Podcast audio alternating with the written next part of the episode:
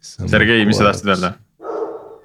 noh, tuleb alati otsida nagu sellest äh, vanast ajast, et kuidas vanasti inimesed äh, mm, äh, suhtlesid, on ju, et nad istusid mingi põleva asja ümber ja siis jutustasid, on ju, ja, ja. ja ina-, ilmselt paar inimest rääkisid, need kogenumad on ju ja kõik noored istusid ja kuulasid ja nüüd ilmselt meil on sama asi. Peaks ka siia selle virtuaalse kamina peaks keskele panema, et et jõuluepisoodid on tulemas. Netflixis on olemas mingi tund aega kamina seda tuld, nii et seda saab põhimõtteliselt kasutada.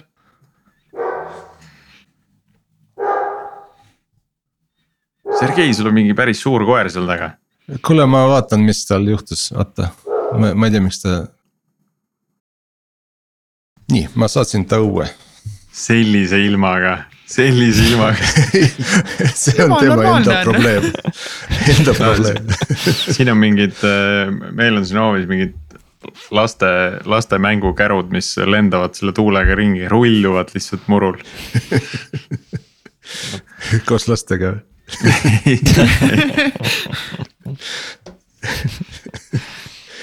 Okei okay,, nii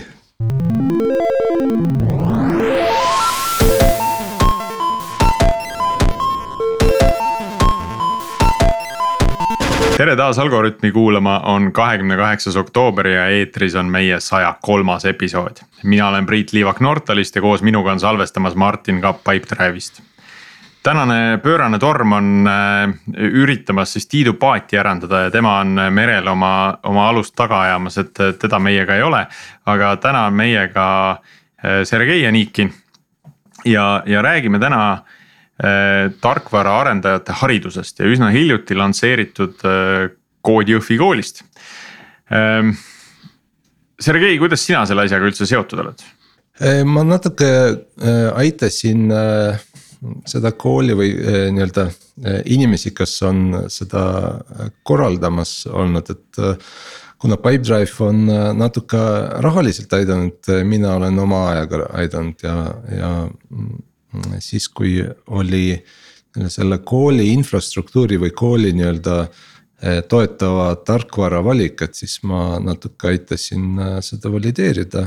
Eh, ja siis hiljem meil oli ka üks vist mm, veebkast, kus me rääkisime ka kooli tulevastele õpilastele, et, et kuidas kuidas see arendaja karjäär hakkab välja nägema, et siis seal ma ka osalesin tänapäeval, kui öeldakse mingi infrastruktuur, et siis enam ei saa üldse aru nagu, et millest jutt on, et kas räägitakse teedest, võrguühendusest või, või siis kooli puhul tarkvaralisest platvormist. aga kõigest sellest on meil rääkimas ka teine külaline ja teiseks külaliseks on meil kooli kaasjuht Karin Künnapas. tere, Karin ole hea, tutvusta ka sina ennast äh, paari lausega meie kuulajatele, et äh, millega sa, millega sa seal koolis tegeled ja millega sa siis võib-olla enne kooli äh, tegelesid? ja, ma olen viimased kaheksa aastat tegutsenud startup'ide valdkonnas. et ma töötasin Eesti äriühingute võrgustikule, mis koondab siis erainvestoreid ja korraldasin sellist üritust nagu Euroopa Innovatsiooniakadeemia. et kus me siis õpetasime õpilastele või tudengitele üle maailma, kuidas viieteist päevaga jõuda ideest reaalse toote või teenuseni, mida näidata investoritele.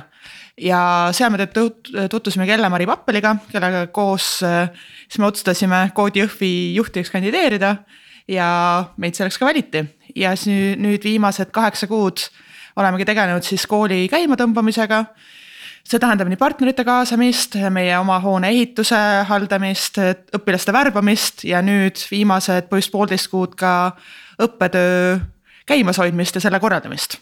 nii, aga kui me nüüd äh, räägime sellest koodi äh, Jõhvist äh, natuke lähemalt, et mis asi, mis asi see üldse on, et kas see on, mis, mismoodi see teistmoodi kool on siis?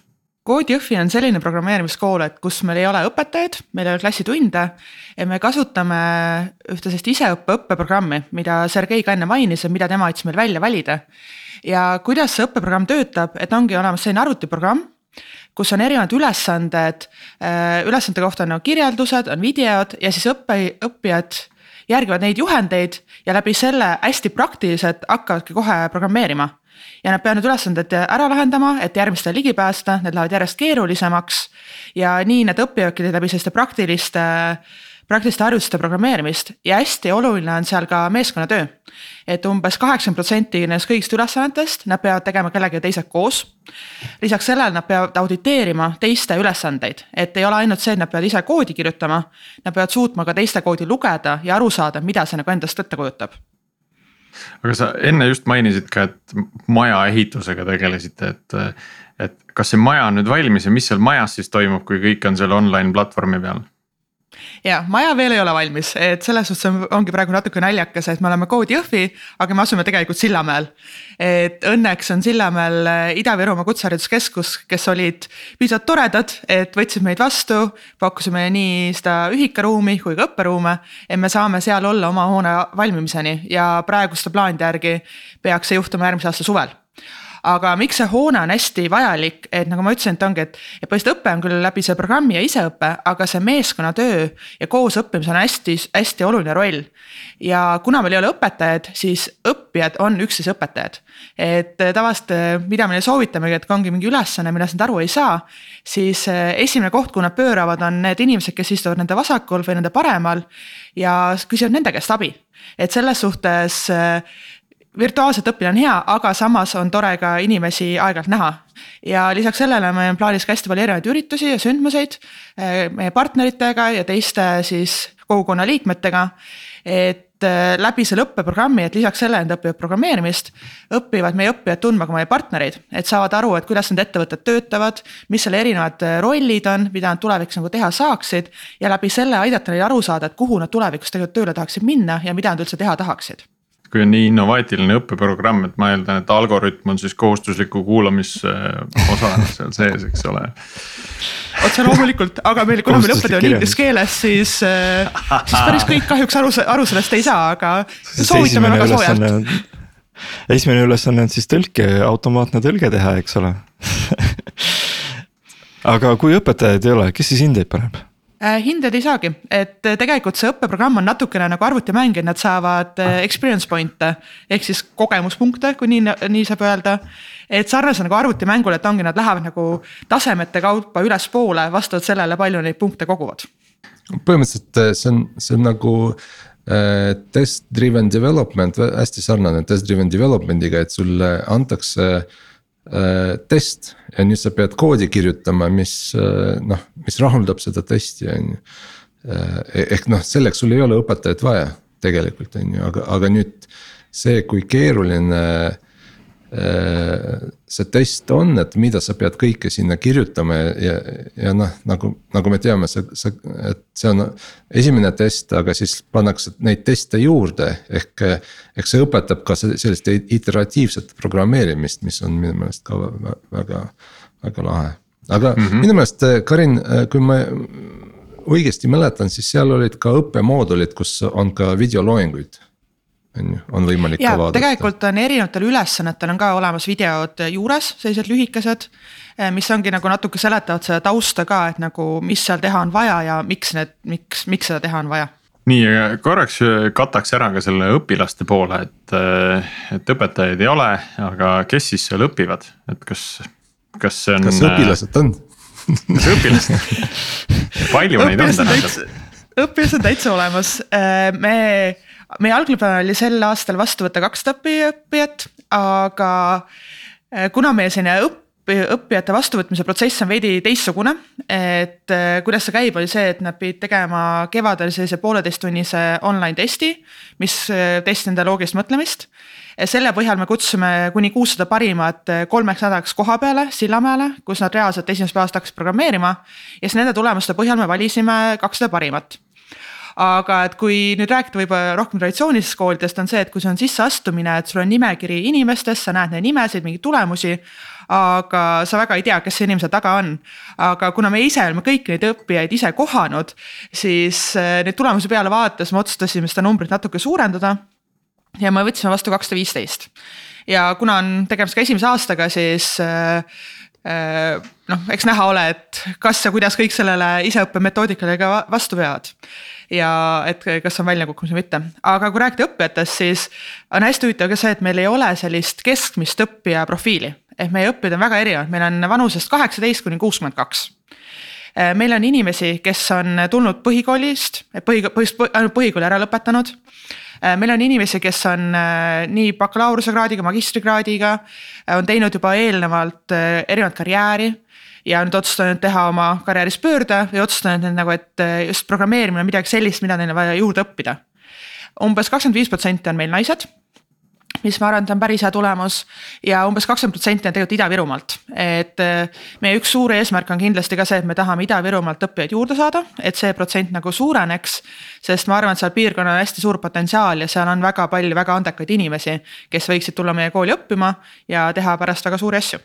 on, äh, meil oli isegi millalgi oli kontor Narvas, aga see kahjuks, see kahjuks hääbus ja väga asjalik, väga asjalik oli, kuni see kestis järsku tahate tulla nüüd Jõhvi kontorit uut tegema? no vot, nüüd on jälle uued võimalused, on ju. aga Karin või oskad sa öelda, ma tean, et see Jõhvi äh, valik äh, juhtus enne sind, aga miks, miks just Jõhvi, miks mitte Sillamäe näiteks? või Paide, keset Eestit näiteks Jõhvi valik tegelikult oli ühtepidi oli hästi praktiline, et äh, kuna seal on see hoone, mida me küll praegu, praegu renoveerime, aga see kuulub Astrek Tatale Ehm, mille üks asutajast on ka Marek Kiisa, kes on kooli asutaja, et nagu, et hästi praktiliselt lihtsalt, et seal oli see asukoht olemas, kuhu seda kooli teha. aga teistpidi on suurem eesmärk, ma arvan, et oli see just see piirkonna potentsiaal ja mis seal võimalused on, et kui me oleksime teinud selle kooli näiteks Tallinnasse või Tartusse ma arvan, et see kooli mõju sellele piirkonnale ei oleks kindlasti nii suur olnud, kui see, et me teeme selle kooli Jõhvi. ja teistpidi on see, et kuidagi alati inimestele tundub, et Ida-Virumaa on mingi hästi kauge maa, et see on kuidagi nagu väga eraldatud, aga tegelikult Jõhvi sa sõidad Tallinnast rongiga kaks tundi, mis on sama kaua, kui sa lähed Tartusse. aga mille pärast see Tartu-Tallinna vahet sõitmine tundub nagu palju lihtsam kui Tallinna ja Jõhvi vahel sõitmine kui ma kuulsin sellest äh, projektist, äh, siis ma olin väga inspireeritud, inspireeritud, sest äh, mul endal peas olid ka mõtted, et kuidas kuidas suurendada nii-öelda võimalusi inimestele, kes tahaksid vahetada oma nii-öelda valdkonda. ja noh, kui te kujutate seda inimest ette, et tal tavaliselt on juba mingid kohustused. On ju, ja tal on töö ja tal on praktiliselt võimatu tõmmata ennast välja äh, sellest nii-öelda elust õppida ümber ja siis hakata nagu uues valdkonnas tegutsema, et. et äh, ma ei tea, võib-olla Karina oskad sa öelda, et, et need, just need inimesed, kes ei ole peale kooli, vaid need, kes on nii-öelda valdkonna vahetamas, et kuidas nende jaoks see nagu tegelikult äh, välja näeb? ma saan aru, et kool ise on tasuta, on ju, aga, aga, aga ikkagi, kui sul on mingid kohustused, et see on ilmselt päris, päris keeruline mm. -hmm. kool on jah tasuta ja tegelikult Sillamäel me pakume ka tasuta elamist, et äh, inimesed saavad ühikas niisama olla äh, siin me tegelikult tegime väiksed muudatused algse plaaniga, kui just me nägimegi need inimesed, kes kooli kandideerisid. ja meie algne plaan, plaan oli see, et me tahtsime, et kõik õppijad oleks kogu aeg koolis kohapeal. et nagu ma enne rääkisin, see omavahel koos õppimist on hästi palju kasu aga kui me nägime suvel katsetel, et jah, meil on inimesi, kes ongi, kes äh, on näiteks kas oma firmaga, äh, neil on mitu last, mitu väikest last või siis käivadki kusagil tööl ja ei taha nagu töölt päris ära tulla. siis me otsustasime natuke seda plaani muuta ja praegu ongi meil põhimõtteliselt kaks varianti. et sa võid olla kogu aeg füüsiliselt kohapeal, koolist õppida või kui sa õpid kaugelt, siis sa pead olema üheks nädalaks kuus koha peale. et selles suhtes siis on ikka, et võimalik balansseerida äh, nii koolis õppimist kui ka perekonda, tööd ja kõike muud seda. et see kaugelt õppimine kindlasti on keerulisem, sest sa pead ikka rohkem ennast motiveerima aga juba me oleme näinud ka, et just see kohapeal nädal ka annab neile hästi palju seda motivatsiooni juurde. et me jooksvalt suhtleme kõigiga, et meil on, kasutame Discordi, mis on siis omavahel selline chat imise süsteem põhimõtteliselt need, kes kaugel on, on ka seal olemas ja ma arvan, et see esimese pooleteist kuu suurim õppetund ongi see, et me üritame aru saada, kuidas just neid inimesi, kes kaugel on, kuida-, kuidas neid kaasata. kuidas neil aidata neil nagu järjel olla ja nemad nagu maha ei jääks, et sellega, kui nad nagu ei ole kohapeal ja peavad ise oma aega, aega juhtima see on kindlasti hea võimalus, eriti praegusel ajal, eks ole, et kus koolid maadlevad selle kaugõppega noh, Eesti situatsiooni ja, ja Covidi noh, nagu perspektiivis, eks ole. Et kui õppida ja saada mingi hea süsteem käima, siis on sellel koolil kindlasti väga tugev eelis kõigi noh -hmm. teiste koolide ees, eks Mm -hmm. et see on see, millega me ka töö juures ju tegelikult äh, samamoodi maadleme, et. et kuidas, kuidas saada kaugtöö efektiivseks niimoodi, et inimesed oleks motiveeritud samal ajal. ja tegutseksid, aga samas, et, et äh, noh, ei, ei peaks sundima siis nagu neid koos olema ilmtingimata ja mis ma tahtsingi lisada, et eh, mis ma arvan, mis meie koolis teebki see võimalikuks, on see, et nad saavad liikuda omas tempos. et eh, järjekordselt, kui rääkida rohkem traditsioonilisest haridusest, on tavaliselt sul ongi, et loengud on kindlatel aegadel, eksamid on kindlatel aegadel, sa pead nagu kindlasti seal, seal olema sel ajal, kui sul on eksam. aga meil on jah, sellist nagu suuremad tähtajad neil on. et näiteks esimesed kuus kuud nad õpivad Go programmeerimiskeelt, et põhimõtteliselt jaanuari lõpuks nad peavad sellega lõpetama. aga see tähendab see, et selle kuue kuu jooksul nad saavad ise oma ajaga mängida. et eh, kui sul on ka väiksed lapsed, sa võib-olla saab pigem seda õhtuti või öösiti teha, siis sa teedki seda sel ajal. või samas kui sa oled väga motiveeritud ja tahad kiiremini teha, sa saad ka kiiremini selle programmi ära lõpetada ja sa saad varem tööturule siseneda. et selles suhtes sa ei pea nagu kellegi järgi ootama või sa ei pea kogu süsteemi järgi ootama kui palju neil eh, kogu selles programmis sellist eh, paindlikkust on, et eh, noh, see esimene kuus kuud oli, sa ütlesid Golang ähm,. kui palju nad valida saavad, kui nad ütlevad, et ma, ma ei tahagi Golangi, et tahaks Pythonit või, või Javat hoopis õppida esimeseks, et on, on see neil võimalik täna? Mhm. esimesed kaheksateist kuud on neil kõigil äh, sama programm. Et ongi, et nad alustavad Go, Go'ga, siis tuleb JavaScript, siis tuleb Rust, seal on natuke ka Pythonit ja C++-i sees. aga viimased kuus kuud on siis sellised spetsialiseerimismoodulid, millest osad on programmi sisse ehitatud, et seal on näiteks äh, arvutimängude arendus, seal on mobiiliäpid, seal on äh, andmete analüüs. Ja sinna me ehitame ka oma partneritega juurde ka lisamooduleid et see partneritega lisamoodulite mõte ongi see, et äh, kui meil on näiteks SEB, LHV ja Wise, kes tegelevad kõik fintech'i valdkonnas. et nende koos välja mõeldagi, et ongi, mis on need tavalised probleemid, mida seal valdkonnas, kui sa lähed näiteks tarkvaraarendaja tööle, mida sa lahendama pead, mis programmeerimiskeeltega, kuidas seal lähenetakse. ja siis nendega, äh, meie partnerid koos, me töötame need välja ja siis õppijad tegelikult seda viimast kuud, kuud nad saavad valida, millele nad keskenduda tahavad ja mille, millega nad rohkem süvitsi minna tahavad ja täna, tänases, tänases maailmas väga oluline on ka igasuguste soft skill'ide olemasolu arendajal, et kuidas selle poolega on, et noh, sellist. Networking ut ja koos tegemist, sellest sa juba rääkisid, aga kas selle kohta on ka eraldi mingeid mooduleid, millega sinna nagu eriti süvenetakse? Ja äh, põhjus nagu, kui võtta nüüd seda programmi, äh, seda kooliprogrammi põhja, siis seal ei ole seda sisse ehitatud, aga see on üks asi, mida meie ise sinna juurde ehitame. et järjekordselt äh, ka koostöös meie partneritega et me kutsume partnerite esindajad meile rääkima, et äh, meil tulebki nüüd lähiajal SEB-st äh, ja Wise'ist rääkima, Sergei tuleb meile tööd varsti külla ka. et rääkima ka oma nagu igapäevaelust ja kuidas, kuidas on tarkvaraarendaja töö erinevates ettevõtetes. Äh, ja mitte ainult tarkvaraarendajad, vaid ka teised töökohad, mis seal ettevõtetes on. ja lisaks sellele me kooli esimesel päeval me tegime tegelikult sellise asja nagu koolielu häkaton et me õpilastega koos mõtlesimegi, et mis on sellised olulised asjad, mis koolis olema peavad. just eriti palju nende pehmete poolte pealt. et ta äh, ongi, mis on need teadmised, mis on need oskused, mis nad tunnevad, et mis neil kindlasti oleks vaja ja mis neil võib-olla on praegu puudulik. ja selle põhjal me töötasime erinevad teemad välja ja me tekitamegi sellise nii-öelda pehmete teemade programmi ka oma koolitöö kõrvale, et, et nad õpiksid näiteks äh, meeskonnas töötamist, nad õpiksid esinemist.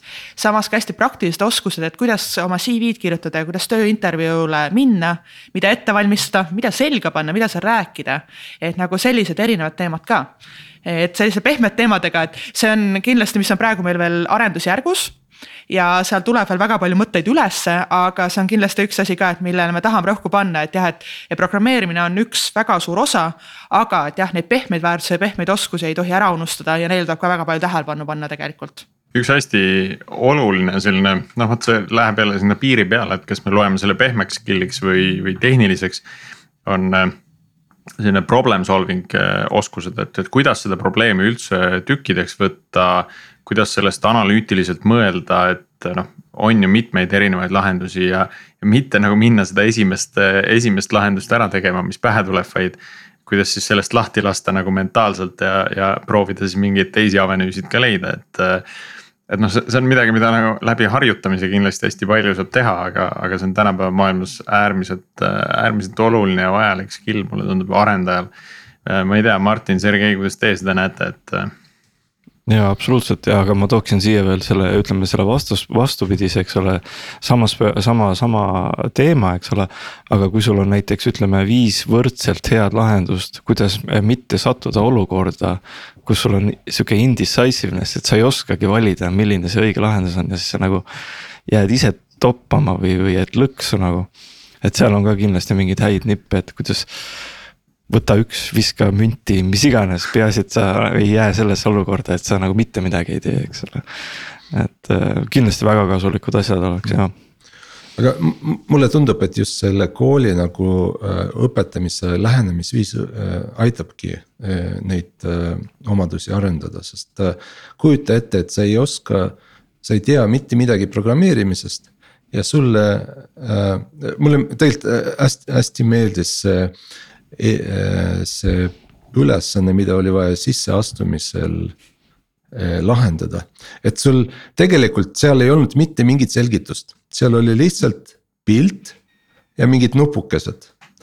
ja siis oli play nupp ja kui sa vajutasid play nuppu, siis oli mingi uss või midagi, on ju, seal jooksis ekraani peal ja siis ta takerdus kuskile seina ja kõik ja nüüd äh, sul oli võimalik äh, juhe, juhe, juhendada seda äh, ussi nagu õigesse kohta.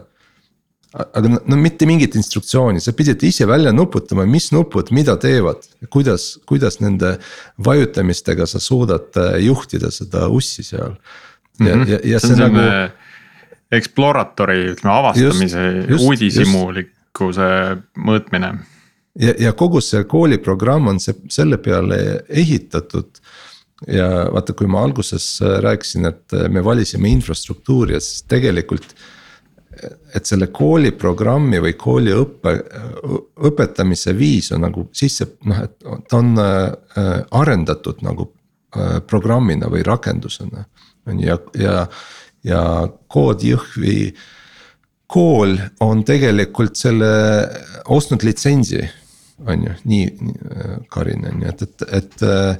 et on ost-, ostnud litsentsi sellele programmile ja nüüd selle programmis on osa mooduleid on nagu ette valmistatud, nagu see Go keeleõppe programm on, on selle nagu sis-, sisu aga ta on lahtine, ma saan aru, et seal on ka mingid API-d, et, et ongi, et, et sa võid tulla ja sisse programmeerida ka oma programmid, et näiteks eh, Nortal võib tulla ja luua oma mooduli, kuidas e-valitsust eh, programmeeritakse, noh näiteks X-tee mingisuguseid mooduleid ja nii edasi, on ju, et, et.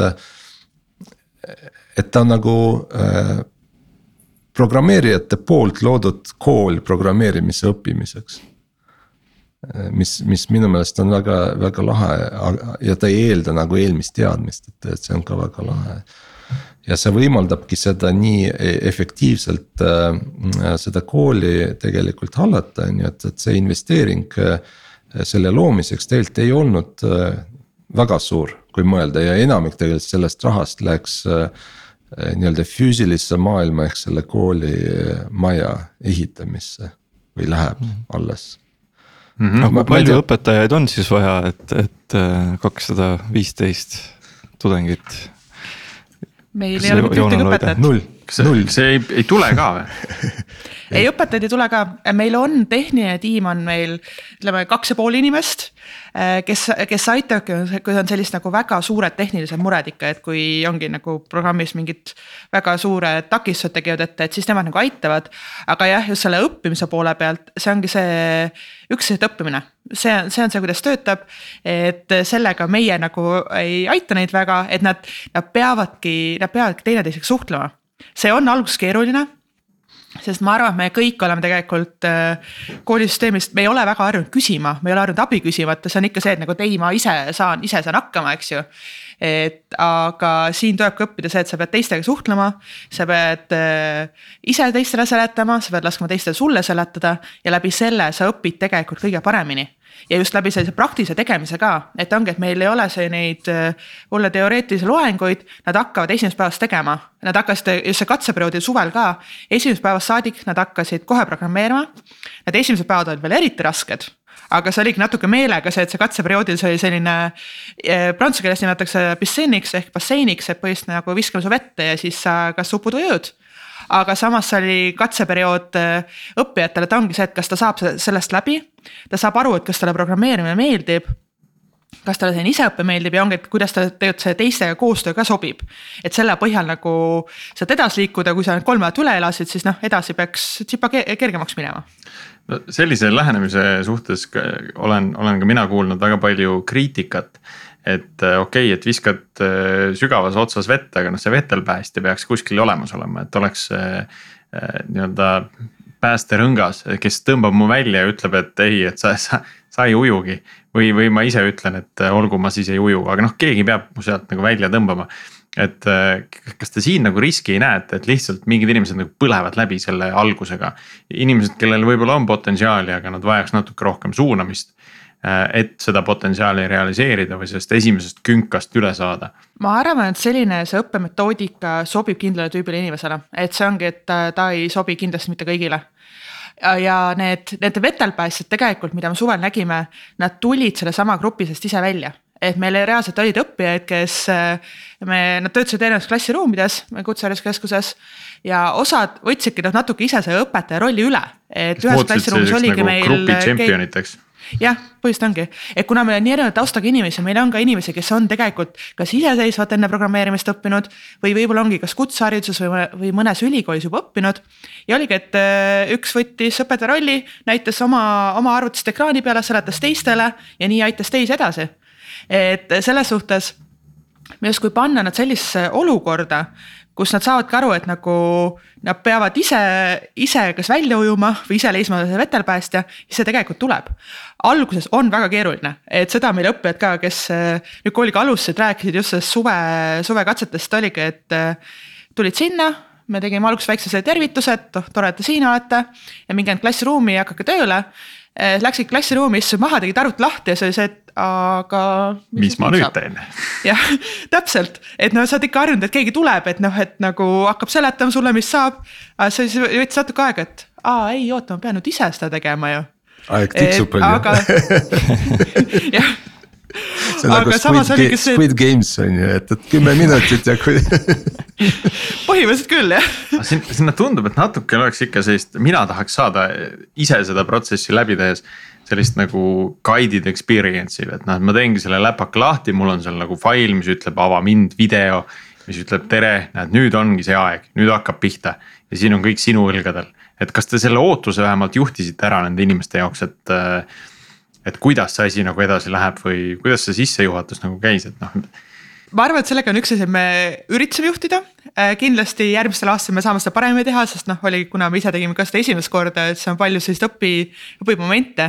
aga kui nad selle arvuti lahti tegid, siis seal oli tegelikult neil esimene ka selline tutvustav video mm -hmm. ja mhm. oligi selline samm-sammult, et mida, mida nüüd tegema peab. aga just jah, seda ei olnud, et keegi oleks nüüd klassi ette tulnud ja seletanud, et jah, võta nüüd arvuti lahti. mine yeah. nüüd sellele lehele ja hakka tegema, et seda, seda ei olnud ja seda kindlasti ka ei tule. aga jah, et nagu alguses võib-olla seda vette viskamist me tulevikus saame tsipa pehme pehmemalt teha, aga noh. Eh, me esimese, esimese lennuga ise viskame ka aeg-ajalt nalja, et noh, nad on natuke ka meil katsejänesed, et mm -hmm. vaatame, mis nendega toimib, õpime nende pealt. ja, aga samas ehitame kooli koos nendega, et neil on nagu hästi suur vabadus praegu mm -hmm. ka. ongi, et meile nagu tagasisidet anda, me suhtleme nendega väga tihedalt ja koos välja mõelda, et ongi, et mida meil nagu veel teha on vaja ja mida saab paremini, mida me tegime hästi ja nii nagu koos edasi liikuda kui palju te, ma küsiksin kiirelt selle peale, et, et kui, et kui palju te feedback'i küsite või tagasisidet. Martin, me mõtleme täpselt samamoodi no näed. Et see tundub, et, et kui uut protsessi lood, eks ole, et jube hea oleks aru saada kohe nagu õpilastelt endalt. Ja üks asi, mis me teeme, ongi seesama Discord, mida me kasutame, et seal on meil kõik mm. õppijad olemas, meie meeskond olemas. et neil on reaalselt võimalik meiega kogu aeg nagu suhelda ja enamik sellest suhtlust on avalik, et selles suhtes ongi, meil on avalikud kanalid. kus nad saavad midagi küsida, kui midagi hästi, kui midagi halvasti, kui me kõik selle anname. et ma arvan, et see on võib-olla ka nagu tsipa teistsugune teiste koolidega. et sul ongi, et sul on äh, koolimeeskond on sealsamas äh, vastamine avalikult ja selle tagasiside ka, et on ka üks asi, mida me praegu nagu tegeleme. et Äh, me hakkame tegema sellist nagu igakuist äh, tagasisideküsitlust, et ongi, et aru saada neilt, et mis toimub. ja nüüd, kui see esimene kuu sai täis, me tegime kohapeal just sellise väikse ringikese, mida nimetasime tea time'iks ehk äh, tee joomiseks. et kutsusimegi umbes õpilased kõik, kes soovivad tulla, meid oli vist umbes nelikümmend või nelikümmend pluss ja lihtsalt rääkisimegi, et me küsisime hästi ausalt, et äh, mis on nagu siiani hästi läinud. Äh, erinevad probleemid, mida me ise oleme näinud, mis nemad nagu näeksid, mis oleks võimalikud lahendused. kuidas me neid rohkem veel kaasata saaksime ja vähemalt mul on hetkel tunne, et need õppijad on üsna avatud ja ausad meile ja reaalselt nagu annavad märku, kui on midagi, mida me saaksime paremini teha. aga samas nad ka mõistavad, et ongi, et kuna see on esimene lend, siis äh, ei ole kõiki süsteeme veel olemas, et selles suhtes me töötame ise ka natuke nagu startup ilikult, et äh, meil on üsna pisike tiim ja erinevaid teemasid ongi, me peame katsetama, vaatama, mis toimub, selle pealt õppima ja siis nagu edasi liikuma, et kas uuesti tegema või siis midagi uut proovima. et äh, Aga kuna selle... me ei ole jah veel väga kaua tegutsenud, et siis äh, on veel väga palju teemasid, mille, mis, mis tuleb välja mõelda. et on seda ruumi arenguks aga äh, selle tagasiside otsa nagu jätkates, et, et mis meetrikaid veel on, millega te ennast mõõdate, et, et kuidas nüüd äh, öelda äh, noh, ma ei tea, kolme aasta pärast, et see kool on olnud edukas, kuidas öelda nüüd esimese lennu lõpus, et kas see asi oli edukas. mida te jälgite ja, ja mõõdate nii-öelda ka ma ei tea, kas, kas on mingeid leading meetrikaid, mida te mõõdate, et, et kui paljud õpilased mingit kursust või moodulit läbivad, et sa ütlesid, et mingid sellised ähm, noh, tähtajad justkui nagu on suures plaanis. Äh, aga noh, kui see on ka kvartaalne, siis mingis mõttes see on päris hiline nagu tagasiside, et äh, mhm. kas seal kvartali lõpus viiskümmend protsenti nagu kukkus välja või mitte, et, tahaks nagu varem ja iteratiivsemalt seda saada nagu ütlesin, et õppijad, kui nad teavad meil ülesandeid, nad saavad punkte nende eest, et see on üks asi, millal me, millal me hoiame silma peal ja oligi nüüd esimese kolme nädalaga, kui me vaatasime, et osadel nagu esimene ülesanne ei ole väga läinud, siis me võtsime nende ühendust, aru saada nagu, mis toimub. et kuidas neil see ülesandega läheb, kas me saame neid kuidagi toetada, et see punktid, mis nad sealt ülesande pealt saavad, see on üks asi, mis me just nii-öelda tulemuste poole pealt silma peal hoiame, et jah, et hindeid kui sellist nad ei saa. aga nad saavad punkte ja kui me näeme, et sealt keegi hakkab nagu väga maha jääma, et siis ongi, me suhtleme nendega otse et aru saada, et kas me saame neid kuidagi veel selles toetada ja kuidas saaks edasi liikuda. Aga kui üleüldiselt rääkida sellest kooli edust ja et, et kas see metoodika töötab või mitte. ma arvan, kõige suurem mõõdik tuleb äh, meil kahe aasta pärast või noh, võib-olla natuke ka varem. et ongi, et kas meie õppijad äh, saavad tööle ja kas ka tööandjad on nendega rahul et selles suhtes, et, et kas need ootused, mis tööandjatel meie kooli lõpetajatel on, vastavad sellele, mida nad suudavad teha, kui nad tööle lähevad võib-olla Karin, saad äh, siin rääkida sellest mudelist ka, et kool on vist eraettevõte, on ju. ja seda on rahastatud, noh investeeritud sinna kooli, aga, aga lõpptulemusena ikkagi on soov, et äh, ta ise nii-öelda maksaks iseenda eest. rahastaks no, iseennast. rahastaks iseennast, on ju, ja siis seal on ka mudel välja mõeldud, et võib-olla saad sellest yeah. rääkida Äh, meie kool on tegelikult MTÜ, et äh, meie kooli asutasidki kaheksa Eesti startup'i maastikul väga tuntud isikut, kes on äh, ehitanud oma ettevõtteid ja nüüd tundsid, et tahaks midagi Eestisse tagasi anda, et selles suhtes see ei ole kindlasti selline tuluprojekt. Ja kuidas jah, praegu kool on käima läinud, et me saime riigilt toetust, mis siis põhiliselt lähebki enamasti hoone renoveerimisse ja siis jah, meie asutajad ise on toetanud, meie partnerid, et kes aitavadki samamoodi selle hoonega kui ka nagu igapäevase koolitööga. aga mis meie tulevikumudel on see, et kui meie õppijad lõpetavad ja meie partnerid need värbavad, siis tegelikult nad maksavad nende eest värbamistasusid.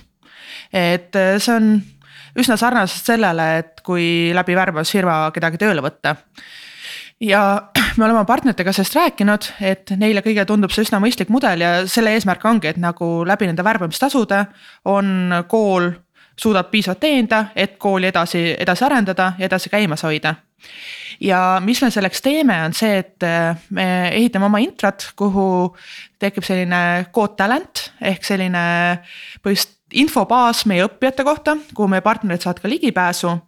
Kus nad näevad üldse õppijate tausta, aga mis on hästi oluline, on see, et sealtsamast programmist, mida nad kasutavad. tuleb välja ka selline raport, mis näitab, kuidas õppijal läinud on. ehk siis, mis ülesanded ta teinud on, kuidas ta läinud on. et kui, kui meie partnerid värbavad või ka võib-olla teised ettevõtted siis nad näevad üsna detailselt, et mida nad õppinud on ja mis ülesanded teinud on, mis see sisu on ja mida nad oskavad. et kui võtta nüüd lihtsalt mingit tava äh, tu, muud tunnistust äh, võib-olla ülikoolis, siis sa tavaliselt lihtsalt näed kursuse nime ja ta on abc. aga samas sa ei saa sellest sisust nagu nii väga aru. et see raport, mis meie õppijate kohta tuleb äh,, on üsna detailne, et ongi just need praktilised oskused, mis nad sealt tule, mis nad sealt saavad. et, äh, et see on siis jah, et kuidas tulevikus loodetavasti vähem kui kahe aasta pärast ongi, muutub siis meie kool isemajandavaks selles suhtes, et värbamistasudega eh, saame kooli elus hoida ja ideeliselt ka kooli laiendada. nii ja Sergei, sorry, sa tahtsid lisada midagi? ja ei, ma, ma, ma tahtsin veel täpsustada ka, et ma saan aru, et kõik koolis õppijad kirjutavad siis lepingule alla, on ju, et nad, neid palgatakse läbi selle talent, talendi nii-öelda panka aa, et nad ilma justkui ei saagi kuskile. ei, nad võivad tegelikult ilma ka minna, et selles suhtes, aga no kooli tulles on jah, selle lepingu allkirjastanud. ja, ja meie partneritega on need koostöö, need kokkulepped olemas, et nemad on nõus värbamistasusid äh, maksma. ja ka kui õppejad lähevad nagu mujale, mitte partnerite juurde, siis äh, meie eeldus on, et ka nemad on nõus neid värbamistasusid maksma aga see, see on Eestis järjekordselt midagi uutmoodi süsteem, et tegelikult sellist süsteemi ei ole üheski teises koolis et eh, järjekordselt vaatame, kuidas töötab, loodetavasti töötab ja siis arendame seda edasi. see tundub nagu jube äge mõte, aga mis taseme arendaja sealt koolist välja tuleb? sest et ja. meil on ju see ka, eks ole, et noh, enamus firmades, eks ole, hakkame juunioridest pihta, siis on, ütleme, miidtaseme arendajad, seeniorid. Äh, kuhu maanduvad, ütleme eeldatavalt, noh, me ei tea praegu, eks ole aga mis need eeldused on, et mis taseme arendajad võiksid sealt koolist äh, jõuda? eelduseks on see, et nad on äh, kahe, juunior arendajad, full stack arendajad siis äh, kaheaastase kogemusega et kuna see õppeprogramm ongi selline täiesti praktiline, siis nad kaks aastat reaalselt ise arendavad. ja see, see on jah, praegu see, mida, mida me arvame, kus tasemele nad jõuavad ja loodetavasti siis see ka kehtib tulevikus Va vaadates programmi on ju, mis, mis seal, kui sügavuti see õpe läheb. noh, mulle, mulle tundub, on noh, nagu Karin ütles, et, et esiteks neil on kaks aastat programmeerimiskogemust, on ju mida noh, võrreldes tavalise ülikooliga, noh, seal sa mõnede ainete raames sa programmeeri-, noh, kirjutad programme, aga. aga sa ei saa seda programmeerimiskogemuseks äh, nimetada ikkagi on ju, ja siis äh, seal minnakse ikkagi üsna sügavuti nendesse valitud teemadesse on ju, et kui, kui me räägime äh, Go keeleoskustest, siis kui paljud neist, kes on hakanud seda õppima nii-öelda töö, tööülesannete raames, kui palju neist jõuavad äh, sügavuti minna. Neil on mingi konkreetne probleem on vaja ära lahendada ja edasi minna, et nad tegelikult ei kuluta pool aastat, et äh, Go keele ära õppida. Äh, et selle ühe pisikese asja ära teha, on ju, et, et, et ma arvan, et see sügavus on, on, on siin nende õpilaste eelis aga see, eh, kui seda sügavust või, või siis ka probleemide suurust, siis eh, veel, veel korra arutada, et mis on need suurimad, suuremad väljakutsed, millega nad seal nende ülesannete raames eh, kokku puutuvad, et. et kas me räägime siin, ma ei tea, ühe nagu algoritmi arendamisest või, või võib siin nagu sisse tulla ka mingid suuremad nagu terviklikud infosüsteemid, mitme teenuse, mitme andmebaasi sellised nagu komplekssemad süsteemid, mida, mida sa enam kindlasti kuskil brauseri ides ei arenda, vaid selle jaoks on sul vaja oma nagu arendus, arenduskeskkonda kogu selle platvormiga üles panna. et kas, kas see asi jõuab sinna välja äh, või see jääb äh, nende konkreetsete nii-öelda pisemate ülesannete tasemele? vot äh, mina ei oska sellele vastata, ma ei ole kogu seda programmi läbinud, ma, ma, ma ei tea, kui sügav, tähendab, kui suureks need ülesanded lähevad, aga. Aga noh, sa ei, sa ei, sa ei pea tegelikult ju äh, nullist lõpuni hästi suurt programmi kirjutama, noh tüüpiline on see, et Tõsi, sa liitud see..., liitud tiimiga on ju ja sul on juba suur programm ees, et, et. aga kasvõi see on nagu näide, et, et noh, et kas, kas antakse ette nagu mitmest mikroteenusest, mitmest baasisüsteemist koosnev asi ja. ja see tuleb kuidagi, kuidagi püsti panna, kuidagi sealt parandada midagi või juurde arendada sinna midagi, et ma ei ole kindel, kas seal on ka infrastruktuuri ülesanded, sest ikkagi seal õpitakse konkreetseid tehnoloogiaid, on ju et eh, noh, kui me räägime keerukamatest süsteemidest, siis sa pead aru saama ka nendest infra, infra asjadest nagu äh, konteinerid ja. ja orkestreerimine ja nii edasi, et, et võib-olla seal on eraldi moodul, ma ei tea, Karin. no Unix on äh, skill'ina olemas nagu, mida siis programmis on äh, operating systems. operatsioonisüsteemide tasemel on ta olemas aga noh, sellest ei, ei piisa, on ju selleks, et aru saada, kuidas see keeruline süsteem töötab. jah, et ikkagi juunior programmeerijad, aga, aga üsna sügav, sügavate konkreetsete tehnoloogiate teadmistega, ma arvan, et see on mhm. päris hea. ja mis, mis seal programmis ka võib-olla ongi see, et seal on, neil on nagu sellised mandatory ehk kohustuslikud ülesanded, mis on võib-olla tsipa lihtsamad ja siis tegelikult neil on ka boonus ja optional ehk valikvariandid, mis lähevad üha keerulisemaks. et selles suhtes ongi, et nagu mis tasemeni keegi jõuab ja kui süvitsi nad mingite teemadega, teemadega lähevad. Äh, et jah aga kui paljud praegu oled äh, äkki vaadanud, mis, mis statistika on, et kui paljud praegu omadega järjel on?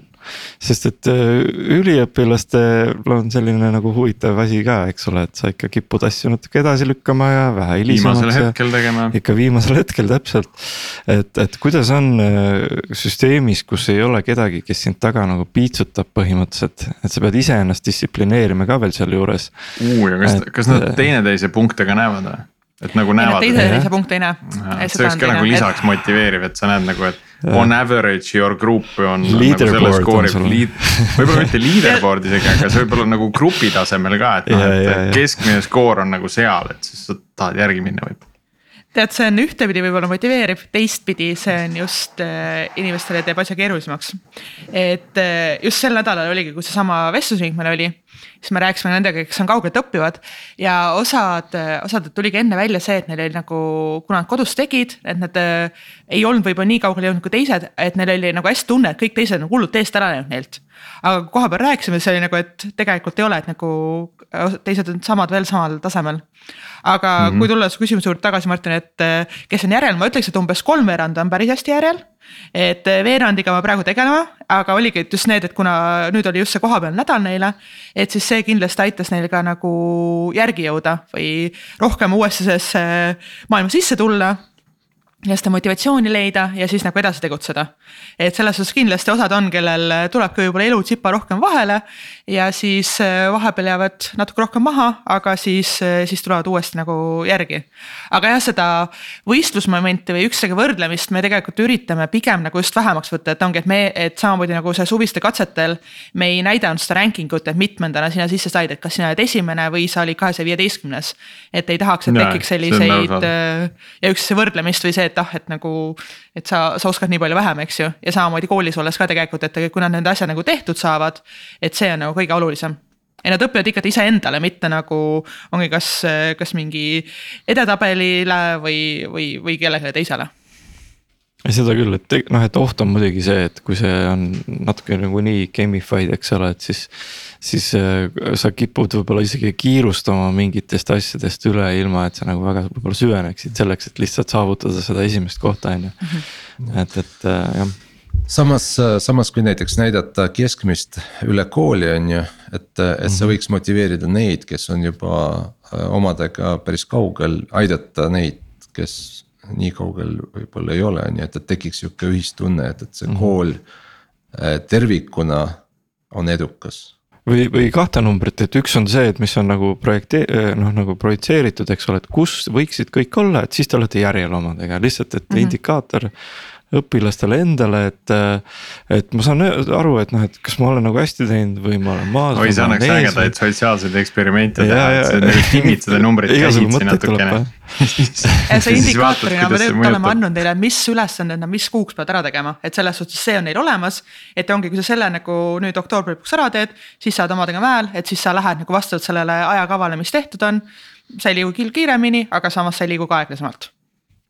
aga kui nüüd kõik on nii online, õpetajaid ei ole äh, miks siis see kakssada viisteist, et kas ei võiks olla nagu, et võtame veel kakssada, kes on ainult online'is äh,. ei saa lõpus mingisugust äh, tunnistust ega, ega ametlikku ütleme, töökohta ei ole garanteeritud mingil viisil. aga sellised vabakutselised või huvilised, kes tahaks nagu seda programmi vaadata, võib-olla teha kõikidest nendest moodulitest mingi kakskümmend protsenti ära noh, ma vaatan, et siin on ka küberturbe asju näiteks sees ja, ja äh, noh, videomäng, ma tahaks äkki videomängude arenduse moodulit ainult läbida. ja mind tegelikult see baastase, baastase ei lähe üldse mulle korda aga võib-olla mul on olemas baastase, et jah, selles Just. mõttes, et äh, tahaks lihtsalt äh, laiendada oma. et mis nendest saab? ekspertiisi mm. -hmm ma arvan, et eh, isegi kui baast-, eh, meil on osad inimesed, kellel on baastase olemas ja nagu ma ütlesin, et me, meil on eh, paar õppijat, kes on tegelikult kutsehariduse lõpetanud või ka ülikoolist, kas esimesse kursuse või kaugemale või isegi lõpetanud tegelikult. ja on tulnud ikka, et meile ka õppima, sest nad tahavad seda praktilist osa just saada. et selles suhtes ma arvan, et sellest on väga palju kasu, nii nagu õppimise suhtes, kui tegelikult ka selle võrgustiku või nende teiste inimestega tuttavaks saamise suhtes. lisaks ka muidugi meie partnerid ja kõik muu kogukond, kes kooli ümber on aga üks mõte, mis meil on tuleviku jaoks, on äh, kindlasti see, et äh, teha ka selliseid lühemaid ümberõppemooduleid mis ongi, et võib-olla inimestele, kes ei taha süvitsi õppida programmeerimist, aga tahaksid rohkem aru saada, et kuidas see maailm nagu töötab. et ongi, kui näiteks on projektijuhid, kes peavad rohkem teiste programmeerijatega koostööd tegema, et nad saaksid sellest loogikast aru, et kuidas seal asjad käivad, ehk kui ta tulevikus peab mingit uut projekti neile seletama, ta suudaks selle õigesti sõnastada nii, et nagu ei tekiks seal kommunikatsioonivigasid ja selle kohta, et kakssada õpilast teha online'is ja kakssada koha peal Äh, üks meie plaan järgmiseks aastaks tegelikult on see, et me tahame võtta vastu nelisada õppijat aga sellegipoolest mitte päris äh, virtuaalselt kõik, et.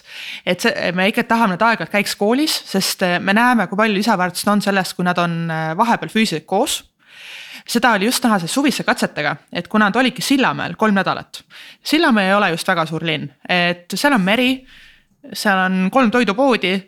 see on põhimõtteliselt Te moodustasite no, põhiosa populatsioonist. no me populatsiooni arvu põhimõtteliselt kasvatasime küll selles suhtes, aga just see, et nad olidki seal omavahel koos, tegelikult tekitas väga tugevaid sõprussidemeid.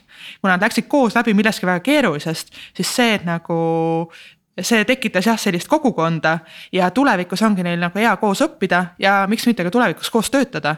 et sedasi tegelikult tulevad uued meeskonnad, kes võib-olla teevad meie uued ükssarvikud, et hakkavad oma ideed arendama ja tulevad väga edukad ettevõtted sealt välja.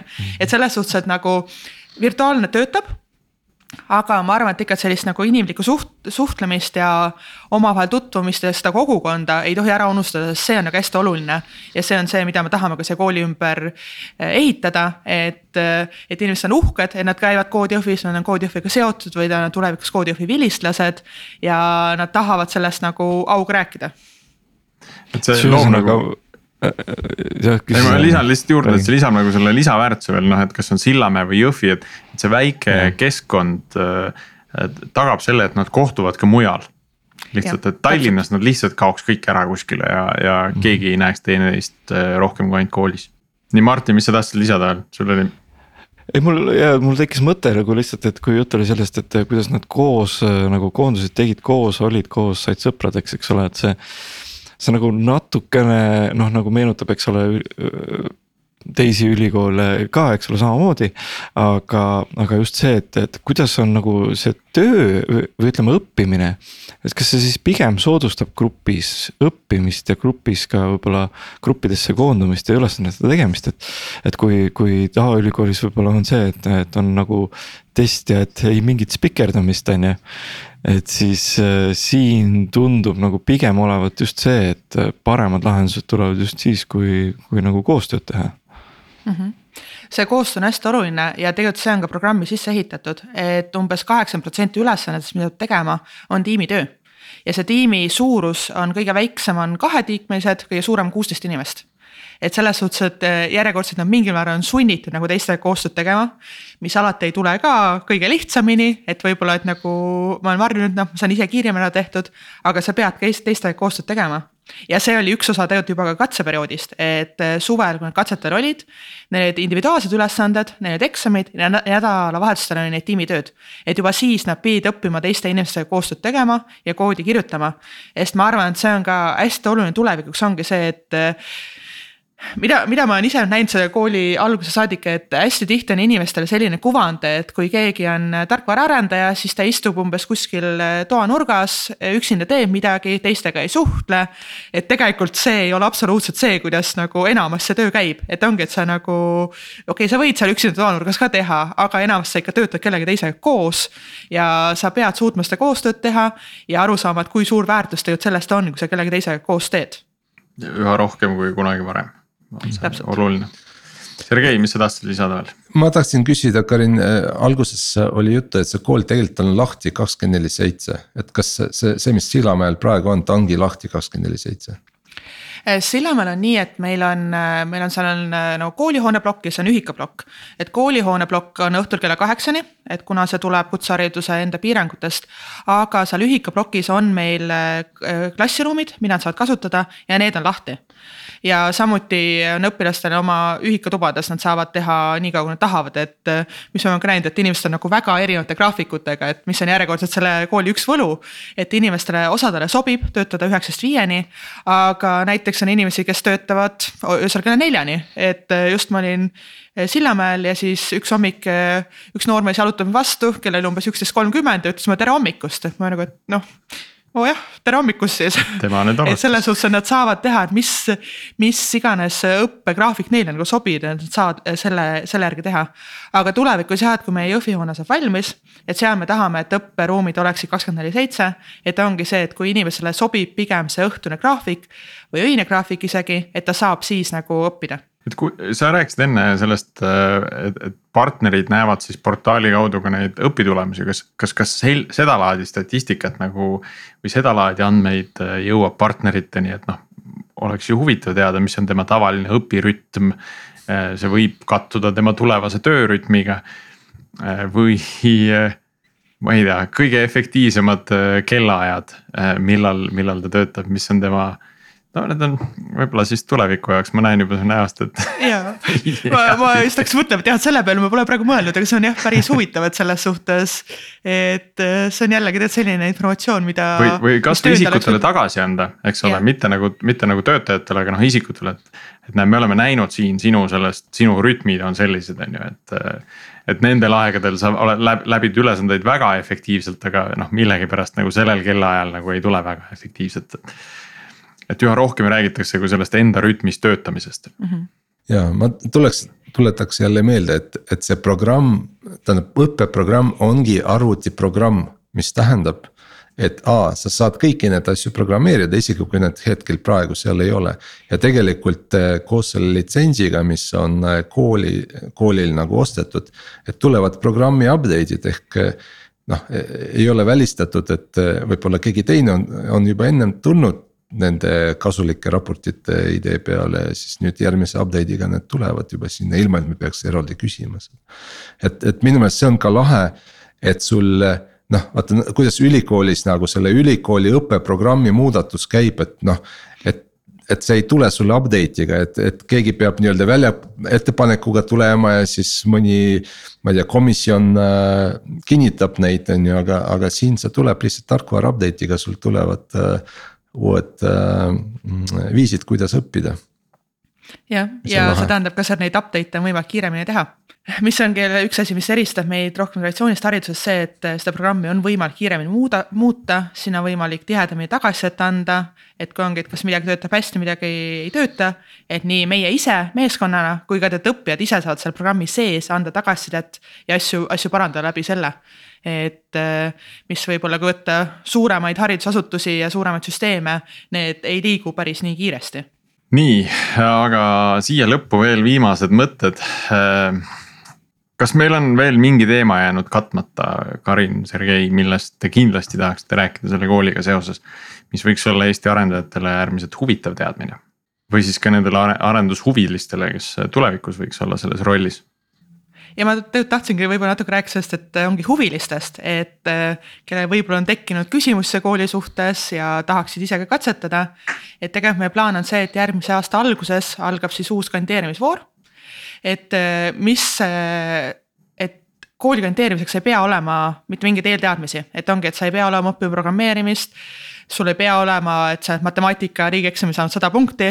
pigem ongi see, et sa, sulle peab meeldima nagu selliseid mõistatusi lahendada võib-olla ja loogiline mõtlemine, ma arvan, on hästi oluline või selline ongi, et soov probleeme lahendada. ja siis ma kindlasti kutsuksin inimesi proovima ja katsetama. et esimeseks sammuks ongi siis seesama mäng, mida Sergei enne mainis, et see selline poolteist tundi kestab. seal ei ole juhendeid, aga see on lihtsalt sellise loogilise mõtlemise peale. et aru saada, mis seal nagu teha on vaja ja, ja siis sealt järgmine samm on jah, koolikatsed, et tulevikus siis võib-olla tulla koodijõhvisse õppima. aga oodatud on kõik, kes on kaheksateist, vähemalt põhiharidusega ja kellel on ka Eesti elamisluba, kuna hetkel me kahjuks seda tunnistust ise pakkuda ei saa ma küsiks äh, veel enne lõppu, Karin, äh, sa mainisid äh, kolmapäeval, kui meil oli partnerite kohtumine, et. et teil ka oma podcast, kas juba ja, olemas või tulemas? Codecast. jaa, äh, esimene episood Codecasti on lindistatud. See on äh, varsti meil ka Youtube'is üleval, et selles suhtes ma kindlasti soovitan järgida meid ka nii Facebookis kui Instagramis et eh, Instagramis esiteks, mida me tegime, olid sellised intervjuud meie tulevaste õppijatega, mida on väga tore lugeda, kuna seal on nii erineva taustaga inimesi, et. et ongi sama Jõhvi tuletõrjuja, siis on samas just Lätis eh, gümnaasiumi lõpetanud tüdruk. et hästi-hästi eh, põnevaid inimesi on, keda meil koolis on ja keda me üritame sealtkaudu ka näidata, et ongi, et inimesed saaks aru, et kui kui erinev see õppijate grupp tegelikult on ja kui oodatud kõik on, et selles suhtes, et jah, et sul ei pea olema eeldused, kõik on nagu oodatud. ja siis, kui Codecast läheb avalikuks, siis kindlasti jagame ka seda seal. ja esimeses osas, mis me Codecast räägime, et on meie kaks õppijat, kes ongi siis meie saatejuhid ja mina ise räägimegi sellest üleüldse kooli sisseastumise, sisseastumise protsessist, sellest suvistest katsetest ja kuidas esimene kuu on läinud. et ongi, et inimesed saaksid rohkem aru, et mida see igapäevaelutöö üldse koolis endast kujutab. et hästi-hästi äh, naljakas olnud, et väljapoole on kuidagi jäänud natuke selline võib-olla selline müstiline loor selle kooli taha, et kuna ongi, et kuidas ikka ilma õpetajateta ja kuidas ilma tundideta saab. et ma arvan, et Codecast annab ka väga hea ülevaate sellest, et, et just nagu õppijate vaates ka, et kuidas see reaalselt Äh, välja näeb? me peaks äh, kindlasti kutsuma äh, mõned õpilased ka aasta, aasta pärast tagasi tegema sellise algoritmi intervjuu äh,. nagu kus, kus me siis saame erinevaid skill'e mõõta ma arvan, ta on kindlasti valmis tulema saame lõpuks punktid ka... lauale panna. Jah, saame oma punkte ka panna. võime podcast battle'i ka teha Äh, aga nende heade mõtetega ma arvan, et ongi sobilik äh, tänasele episoodile joon alla tõmmata, aitäh äh, Karin tulemast, aitäh Sergei taas tulemast et ja, ja täname meie kuulajaid. jääme kuulmiseni taas järgmisel nädalal, kus on kahtlemata jälle üks, üks uus ja huvitav teema.